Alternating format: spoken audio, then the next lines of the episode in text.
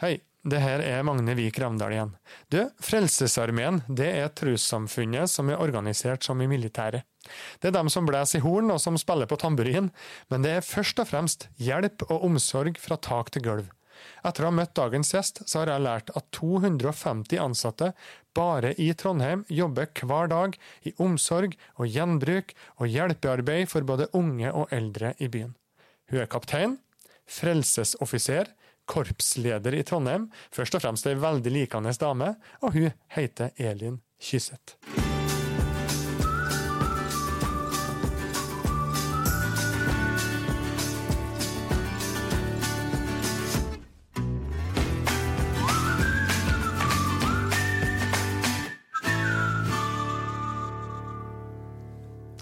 God dag, Elin.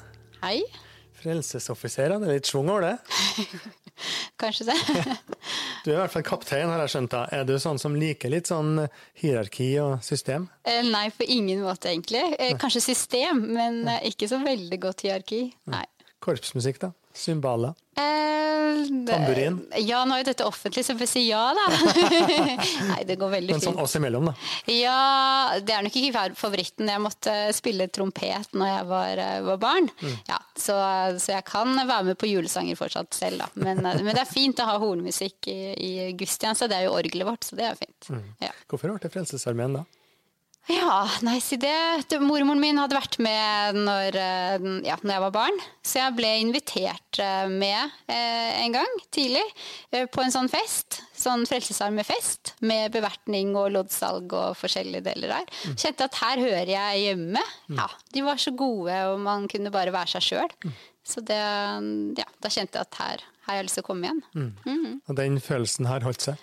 Absolutt. Eh, og jeg tenkte på det i dag før jeg skulle møte deg, at det er nok leken som på en måte har holdt meg i Frelsesarmeen. Det, er, eh, det er jo hierarki i systemet, men samtidig når man er lokal leder og sånt, så har man, man har raushet og rom til å utvikle og gjøre det som man har lyst til. Og så er det masse mennesker, så man har mye rom og tid til lek og ja, det å få utfolde seg. Ja, hva gjør dere i, i Frelsesarmeen i Trondheim når dere skal leke dere?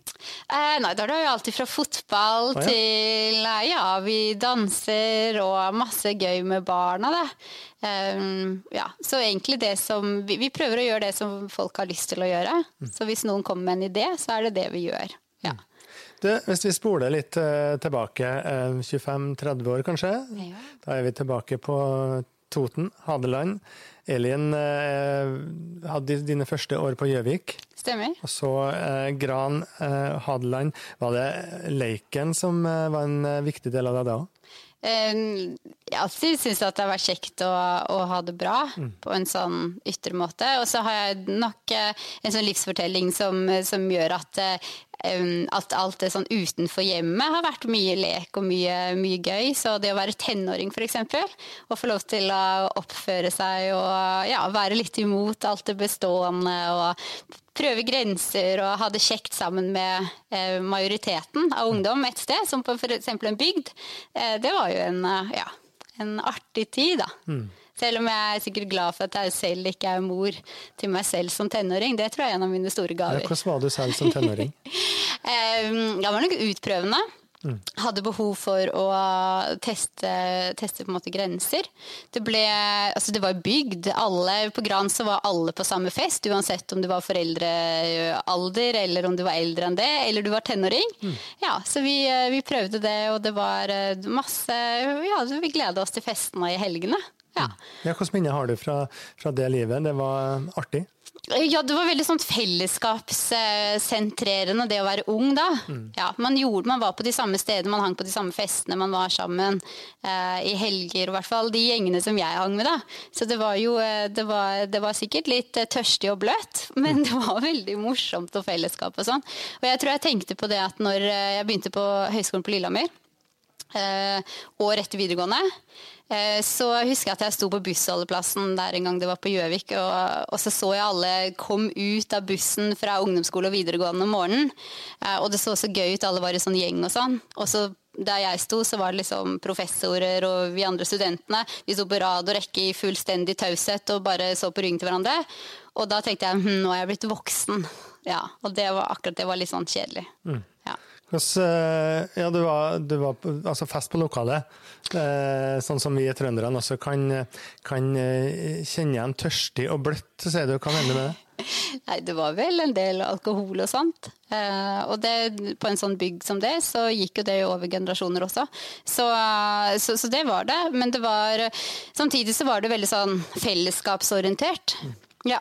Um, og noen av de beste, venn, beste minnene på en måte med venner og sånne typer relasjoner og det å gjøre sånn fellesskapsdel, var jo på, sånn, det, var jo på sånne steder. Og, og, man hørte sammen, man, man snakka om det mandag, tirsdag, onsdag, hva man hadde vært sammen med, og begynte å glede seg igjen på onsdag, torsdag. Mm. Så, så, man hørte til. Og, og når jeg skulle gå over til Frelsesarmens ungdomsklubb eller fest på Frelsesarmeen, så var det på en måte rød saft og boller. Det var litt helt annen stemning. Og jeg tror jeg hadde en sånn sorgprosess et år år på den overgangen. Fordi at, um, ja, fordi at man, det var ikke alle de stedene hvor alle var lenger, og jeg tok et annet type valg. og og sånne ting. Så det ble en sånn overgang. Da. Mm. Eh, jeg har vent meg godt til det, men, eh, men, jeg skjønner godt at tenåringer og ungdom trenger å henge sammen. Og det skulle jeg ønske at vi voksne også gjorde i større grad mm.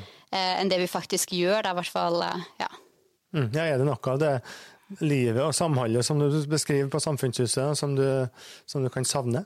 Ja, jeg tenker at for eksempel, Vi tuller med det oppe hos oss. da, mm. At eh, covid, for eksempel, så hørte du jo alltid om at da kunne man ha, eh, da kunne man ha ti stykker hjemme hos seg i kohort. liksom. Mm. Eh, og da kjente jeg at når man kommer sånn ny til Trondheim og ny til et nytt sted, så tenkte jeg ok, ti stykker, ja, jeg er ganske heldig hvis jeg har ti stykker å ha hjemme hos meg.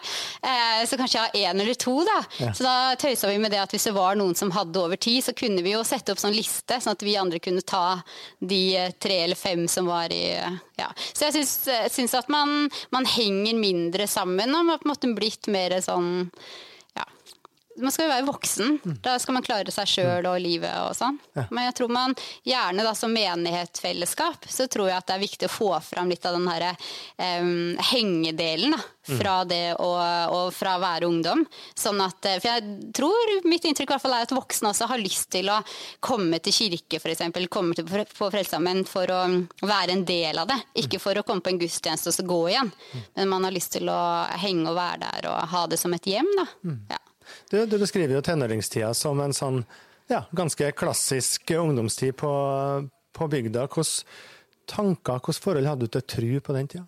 Ja Jeg begynte nok litt for tidlig med det der eh, festdelen og sånn, da. Men, øh, øh, men, men, med tro så, så, hadde jeg jo veldig lyst til å ha en tro eh, Gud var veldig viktig for meg sånn, og, og, og hvis, hvis, det var sånn at han var til. Mm. Så når jeg skulle være konfirmant, så husker jeg jeg sa til Gud eh, opp en bakke helt sånn konkret en dag et sted at eh, jeg vil konfirmere meg fordi at jeg vil tro på deg, mm. men jeg har ikke tid til deg nå. Eh, og det, for, for, meg så innebar det med tro en, eh, ja, noe jeg tenkte at hadde med hele livet mitt å gjøre. Mm. Så jeg presiserte veldig det at jeg har ikke tid nå.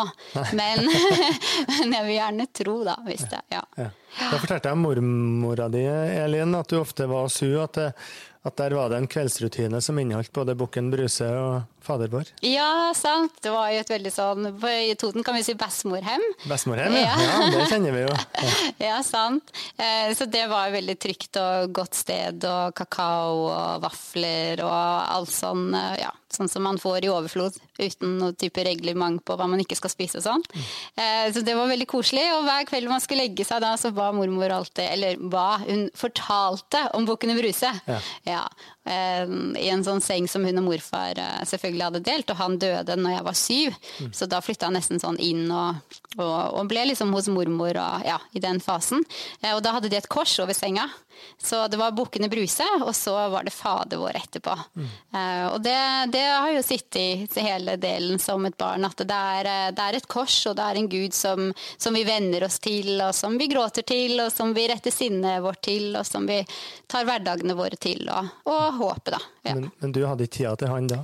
Eh, ikke som tenåring, nei. hadde ikke det. Og som barn var det litt uh, mye annet også, så mm. Men uh, men det er jo ikke sånn at det er jeg som holder fast i Gud, det er jo han som holder fast i meg og i oss mennesker. Så da hadde han jo også rom for at jeg ikke hadde tid akkurat da. Ja, Men hvordan utvikla det seg utover, det forholdet til en gud? Ja, nei, det ble en sånn eh, Jeg tror jo alle mennesker har eh, ulike sånne møter. Eller i hvert fall tanker eller refleksjoner. Mm. Så jeg var veldig sånn opptatt av de kristne som hadde hengt opp plakater 'Velkommen til Misjonshuset på Jaren', f.eks. Eller Krikk eller andre sånne. Ja. Så jeg så på de plakatene og så tenkte jeg hm, kanskje de har svaret. Mm. Og så så jeg alle disse litt store mammaene til de klassa som var troende, som gikk med den derre bollekurvene og den røde safta på fotball, eh, ja, fotballcupene. Mm. Eh, og så lurte jeg på en måte Er det virkelig sånn? Altså, ha, Er det noe, eller ja, hva er dette her? Så jeg var ca. sånn 18, så, så spurte jeg, sa jeg til Gud en gang. Det regna og ja, var en dårlig dag på Jaren, sikkert. Og titte opp på trærne, for jeg tenkte at de er iallfall nærmere Gud da, enn det jeg er. Så da, da, var det sånn at jeg sa til Gud at hvis du virkelig finnes, at vi virkelig snurrer nå i universet, og du har skapt det her, um, da vil jeg tro på deg. Og for meg så ble det en sånn hvis det er sant at det er skapt av noe annet enn bare tilfeldigheter, så, så, kjente jeg at da, da, vil jeg bare gi alt til det, og satse på det, og overgi meg til det. Hva skjedde da? Nei, da sier jeg alltid at det kom det lyn fra klar himmel, og det var sånn, det var ikke det. Men inni meg så, så gikk jeg hjem den kvelden eh, og visste at jeg hadde med meg noe som jeg ikke hadde hatt med meg tidligere. Og det var, jeg bruker å fortelle dem at Gud Gud ser alltid til oss mennesker. Ja. Men min frelsesforståelse er jo også når jeg selv vender ansiktet mitt mot Gud og skjønner at jeg er sett. Eh, og det gjorde jeg nok den kvelden. Så da ble du frelst? Ja, det tror jeg at det vil være. Og så er det jo det finurlige fine er at jeg, Frelsesarmeen er jo en hellighetsbevegelse. Mm. Um, og sånn, så da er man Hva kanskje betyr det? Jeg vet ikke akkurat, men det betyr jo at man tror at Gud kan um, bevege seg hele tiden, at, har, uh, at han er virksom i oss til enhver tid. Mm. Men akkurat i forhold til min frelsesdel var jo at når jeg ble kristen, når jeg ble troende, da, um, så var det jo ingen kirker som visste om det. Mm. Men jeg visste at det var det. Og da det, det, var en fin måte. Ja. Men jeg tenkte på det når jeg kom innom Frelsa med et par år etterpå, at uh, det er ikke sikkert de tror jeg er frelst ennå, for de har ikke sett meg knele ned ved bosbenken eller noe sånt. Nei. Men uh, ja, det var jeg godt, da. Men hva skjedde på de to årene mellom at du på en måte gikk der og bestemte deg, og der du beskriver at du kom til Frelsesarmeen? Ja, sant? da leste jeg Bibelen. Mm. Ja, hadde fått Bibel, så jeg leste Bibelen. Jeg begynte selvfølgelig klassisk eh, Første Mosebok, men holdt en god stund. Ja, du starta fra starten. Ja, ja, ja. Um, så jeg leste og, og leste, mm. uh, og ba og leste, og la livet mitt um, over til dette her, da, som jeg ikke visste hva var, mm. uh, men som klarte å holde hele jordkloden og universet i sin hånd. Så tenkte jeg da klarer du å holde meg, selv om jeg rommer utrolig mye rart.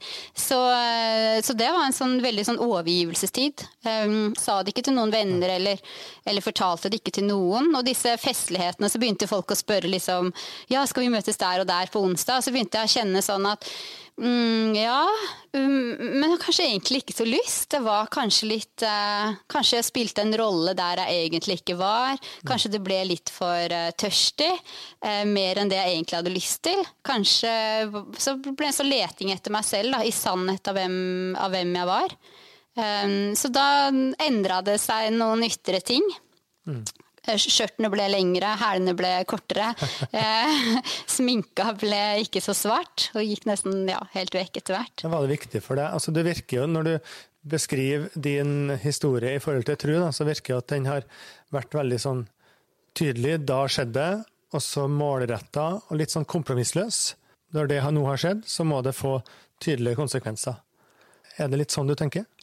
Jeg tenker at det, det, var jo en, det var en bevegelse der. Mm. Og det var en bevegelse fra liksom, kveldsbønnen til mormor og fader våre. Mm. Um, og, sånn, og det var jo en bevegelse, et ønske om å få lov til å, lov til å tro, mm. hvis det var noe. Mm. Men hvert menneske må jo undre seg selv over om det finnes noe. Uh, jo, men når, det, når, jeg liksom, når, jeg overga meg og sa og tenkte at ja, men jeg tror på det her, det fins en, en, Gud, mm. um, da er det nok ganske sånn ja, kompromissløst. Eller da, da, da, er det all in. Mm. Ja, da er det enten eller. Du har hatt en kjæreste i sju år som du gjorde ja. slutt med. Eh, var det òg en sånn konsekvens, kompromissløshet, i forhold til at nå trodde du annerledes? Ja, sant, vi møttes da jeg var 13. Veldig mm. fint.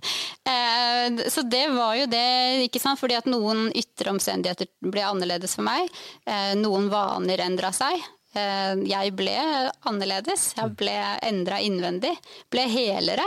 Eh, og det gjorde at, eh, at jeg valgte andre ting og så, ja, Jeg gjorde slutt da jeg var 20, jeg hadde 20-årskrise. Veldig, egentlig. Tenkte at her er jeg nå. Om ti år så skal man jo være et helt annet sted. Utdannelse, mann, barn, hytte, mm. bil, alle disse tingene. Um, som jeg fortsatt ikke har, da. Men, uh, men Det skal vi komme tilbake til. Ikke sant? Mm. Men, uh, men, det var noe med det at uh, Ja. Jeg tror han sa det at nå ble det slutt. Elin har møtt Jesus. Det har ikke jeg, så det var greia. Det var Men, umulig for deg å være kjæreste med han når han ikke ville tro?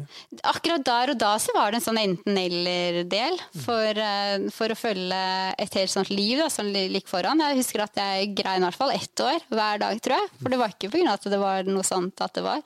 Um, så, så, jeg flytta til Gjøvik og begynte å studere og ble med i Frelsesarmeen etter hvert. Og veiene har jo bare åpna seg. Mm.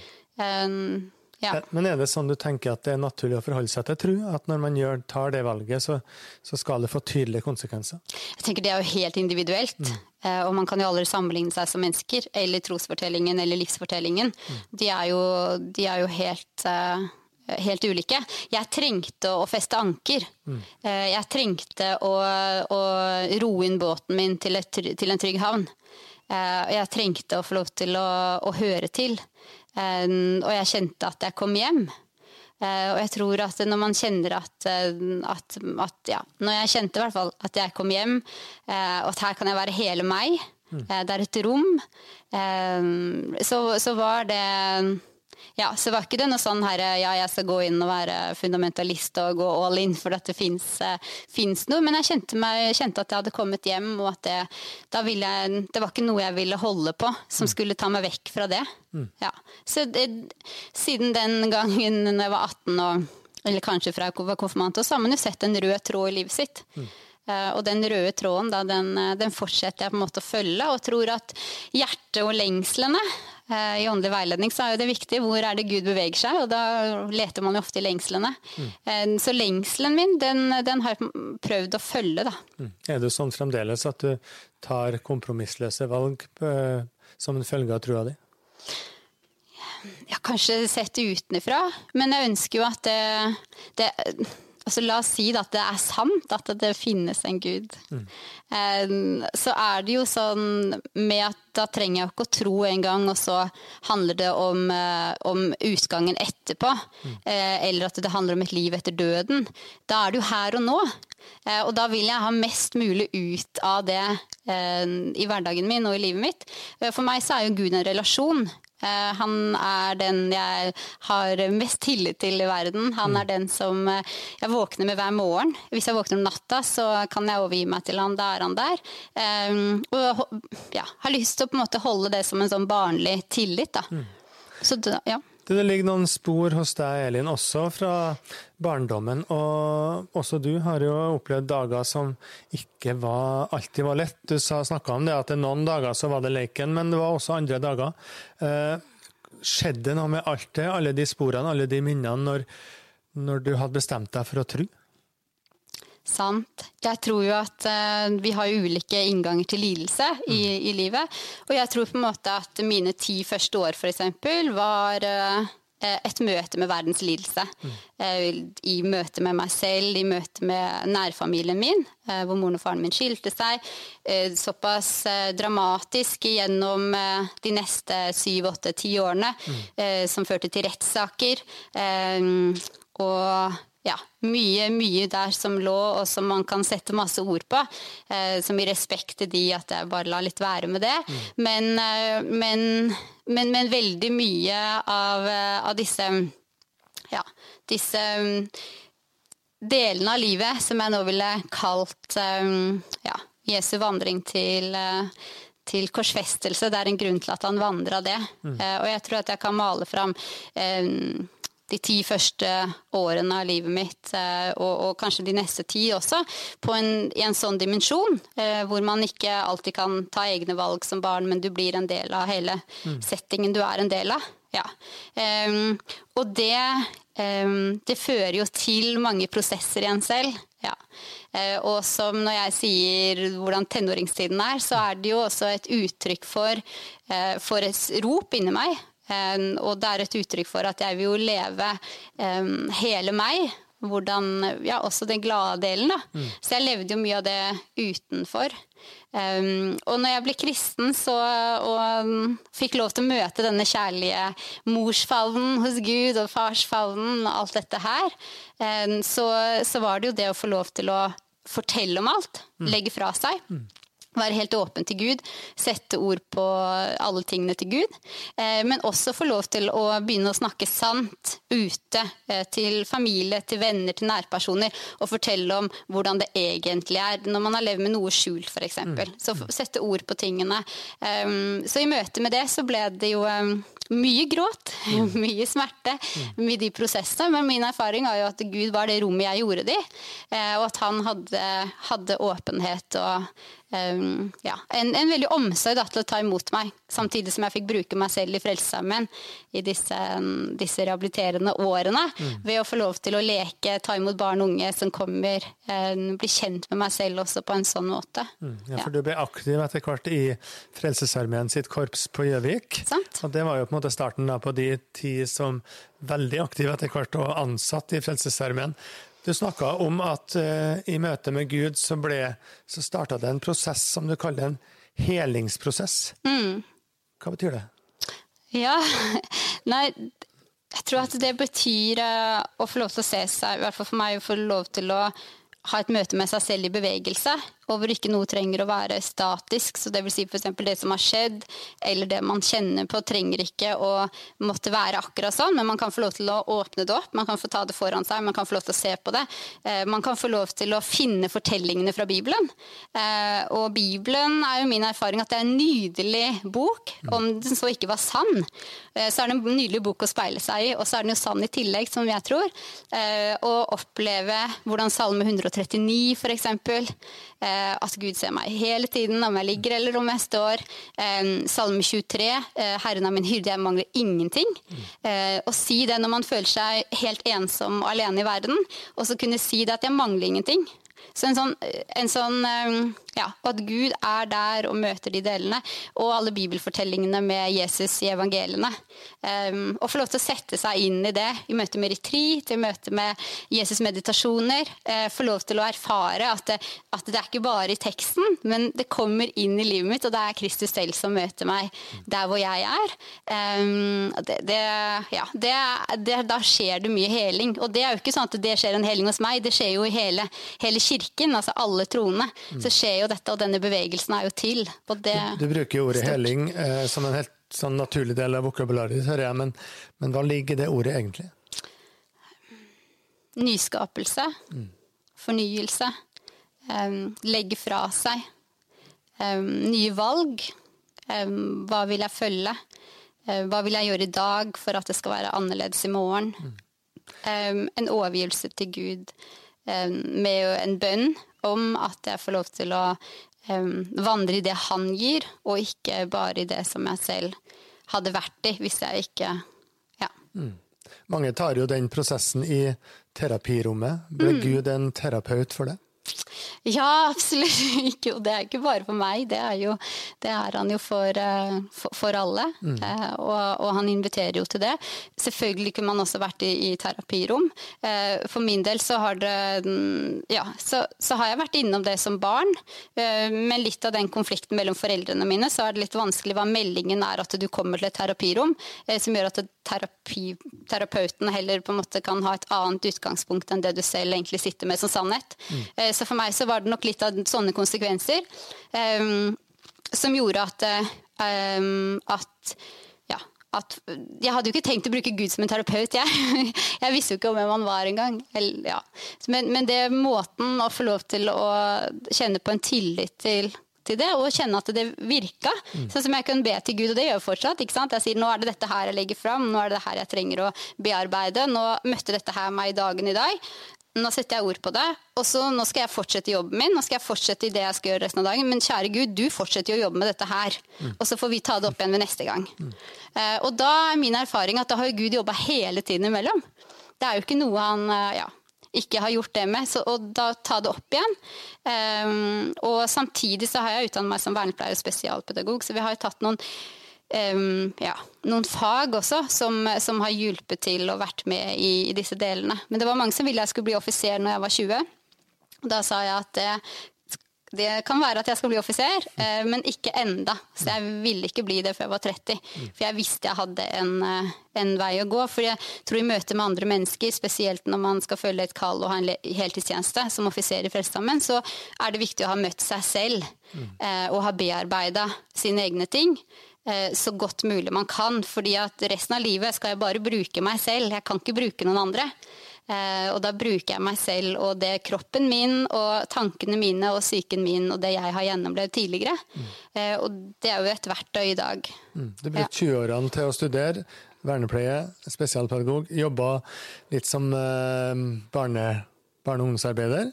Eh, i tillegg. Og så ble du da offiser, som vi ser deg som i dag. da. Eh, noen eh, kan jo treffe deg på gata i Trondheim med uniform, og du er kaptein Elin Kyseth.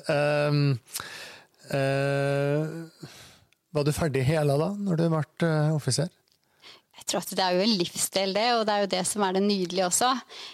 Men jeg tror at såpass hele at jeg våger å vite at jeg ikke trenger å være sterk. Mm. Det tror jeg er en viktig del for min del. At jeg vet at jeg kan være sårbar. Vi trenger ikke å komme på jobb og være 100% fit på Frelsesarmeen. Fordi vi forventer ikke det av noen av de som kommer inn døra. Mm. Hvor, ligger, hvor, ligger, din sårbarhet? Ja, min sårbarhet ligger vel i det um, Det ligger jo i det at jeg har med meg mange ting fra, mi, fra mitt barn- og ungdoms- og, og oppvekstliv. Mm. Um, og så ligger det jo i dette her i erkjennelsen at vi er alle bare mennesker. Mm. Så jeg, jeg, liker jo sårbarhet, og jeg liker at jeg har som mål å leve sårbart.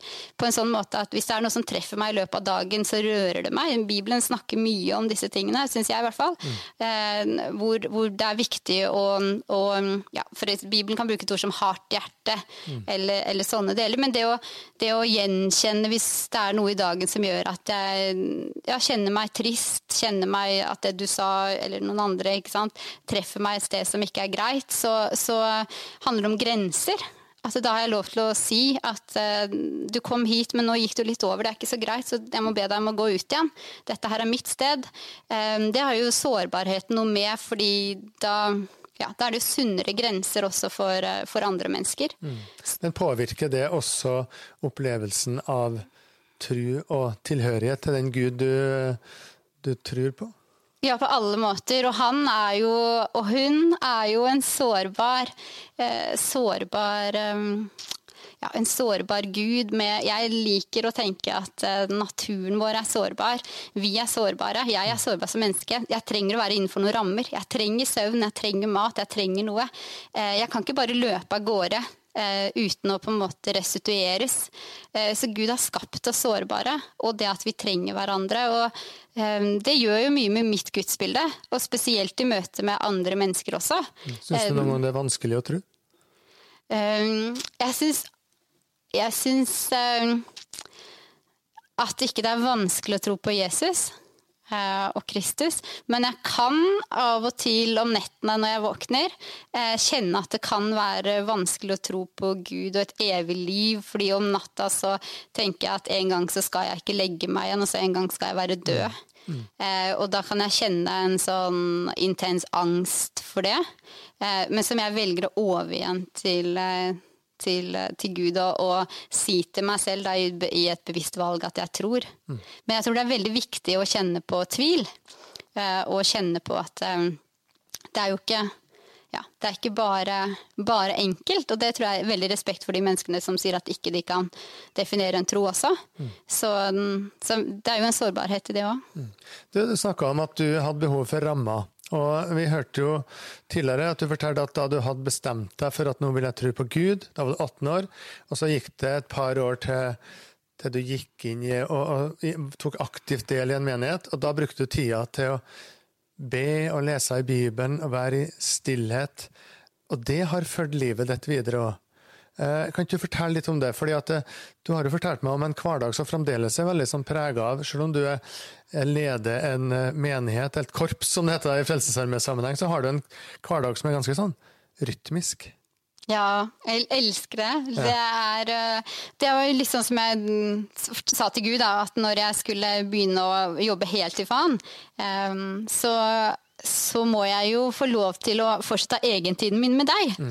Eh, sånn at eh, da er det for meg så er det veldig viktig at ikke det som jeg hadde med han, skulle være det jeg også tømmer ut til andre mennesker. Um, eller dele f.eks. For gjennom forkynnelse og sånne ting.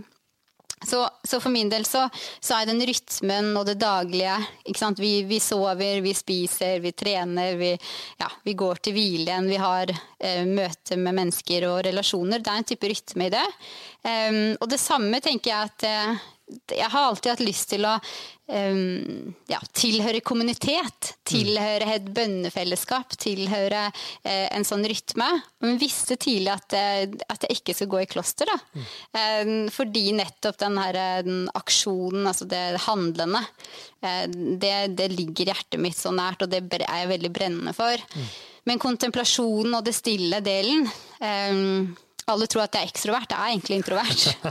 Eh, og det å få lov til å erkjenne det, eh, og ha en rytme hvor når jeg våkner, så kan jeg dele det med Gud, med Bibel, med bønn. Eh, at jeg kan få lov til å ha en bønnerytme før frokost. Mm.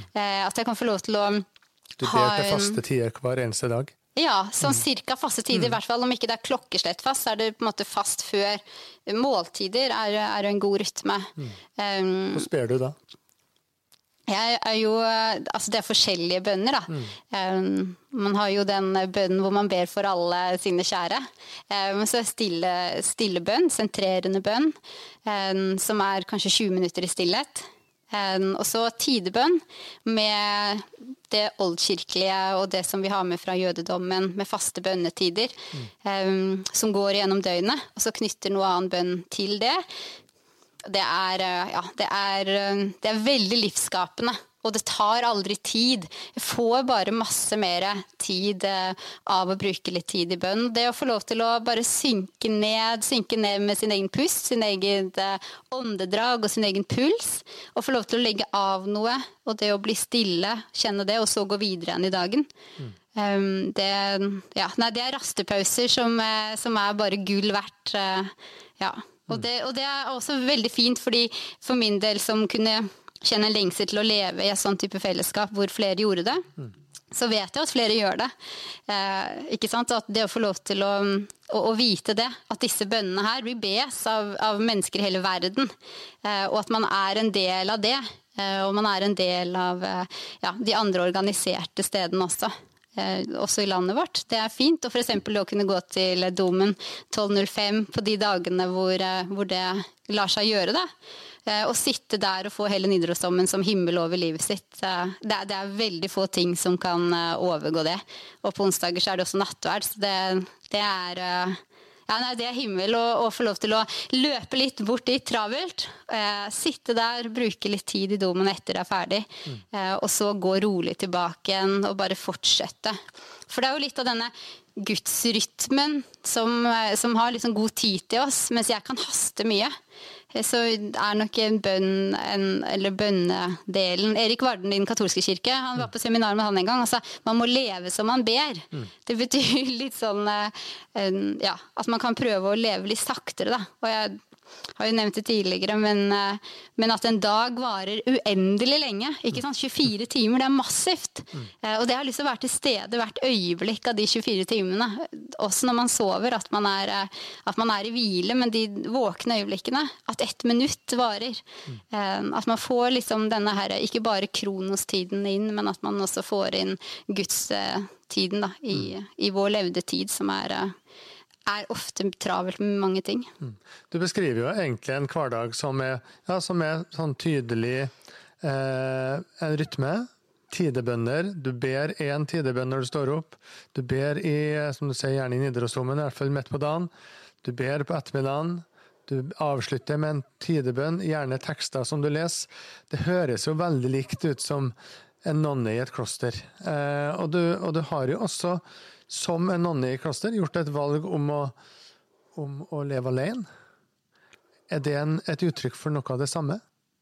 Jeg tenker at uh, Nå lever ikke jeg i et kloster, men jeg har sagt uh, til meg selv og, og, sånt at jeg kan bruke det hjemmet jeg har. Mm. Uh, og jeg kan bruke de tidene jeg har.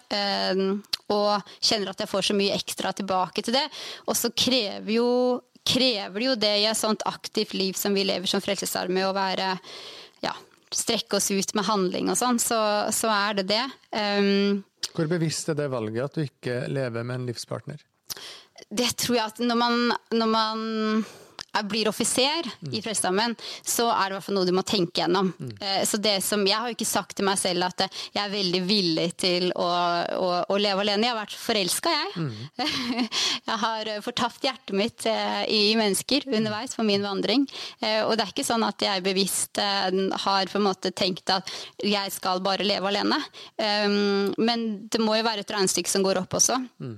Men når man blir offiser, i hvert fall for min del, når jeg ble det, så skulle jeg jo gå gjennom og tenke at er jeg villig til å gjøre dette her med den risikoen da, som er høyere nå eh, enn før til å leve alene hele livet ut. Eh, og i hvert fall som, som tjeneste. Og, og, da er svaret mitt vært ja. Så det er jeg villig til. Mm. Eh, og, og, det er også med det at jeg ikke kjente at jeg hadde så stort eh, nettverk rundt meg fra før av. Så, så, for min del så var jo det der å være liksom på, ja, på flytende grunn, egentlig. For, for, da må jeg feste anker hos Gud da, og så tenke at det er han som holder det. Men det er kjempeviktig med relasjoner. Eh, og skulle det være sånn at det legger seg til rette med noen som har lyst til å leve i kommunitet eller i eh, en annen kjærlighetsrelasjon med meg, på, på, en sånn, så, så, er det ikke sånn at jeg har sagt nei til det. Men det, det fordrer jo at det må, det må, få lov til å romme meg, akkurat som selvfølgelig det må romme den andre personen også. Mm. Ja. Eh, men det er en heltidstjeneste. Eh, og det er eh, Det vil jo være altså Gud og tjeneste vil jo være førsteprioritet. Mm. Men det er jo kollegaer og andre som, som, lever det, så det er jo ikke sånn at man må være alene når man er offiser. Mm. Nei. Hvor står trua di i dag? Ja, jeg vil si at den står stø stødig og støtt. Godt forankra i vanlig hverdag. Ja. Og den betyr ja, den er rytmen i livet mitt. Eh, den er lengselen. Eh, og den er ankeret, tror jeg. Ja. Elin Kyseth, tusen takk for at du kom til På trua løs. Takk for å få være her.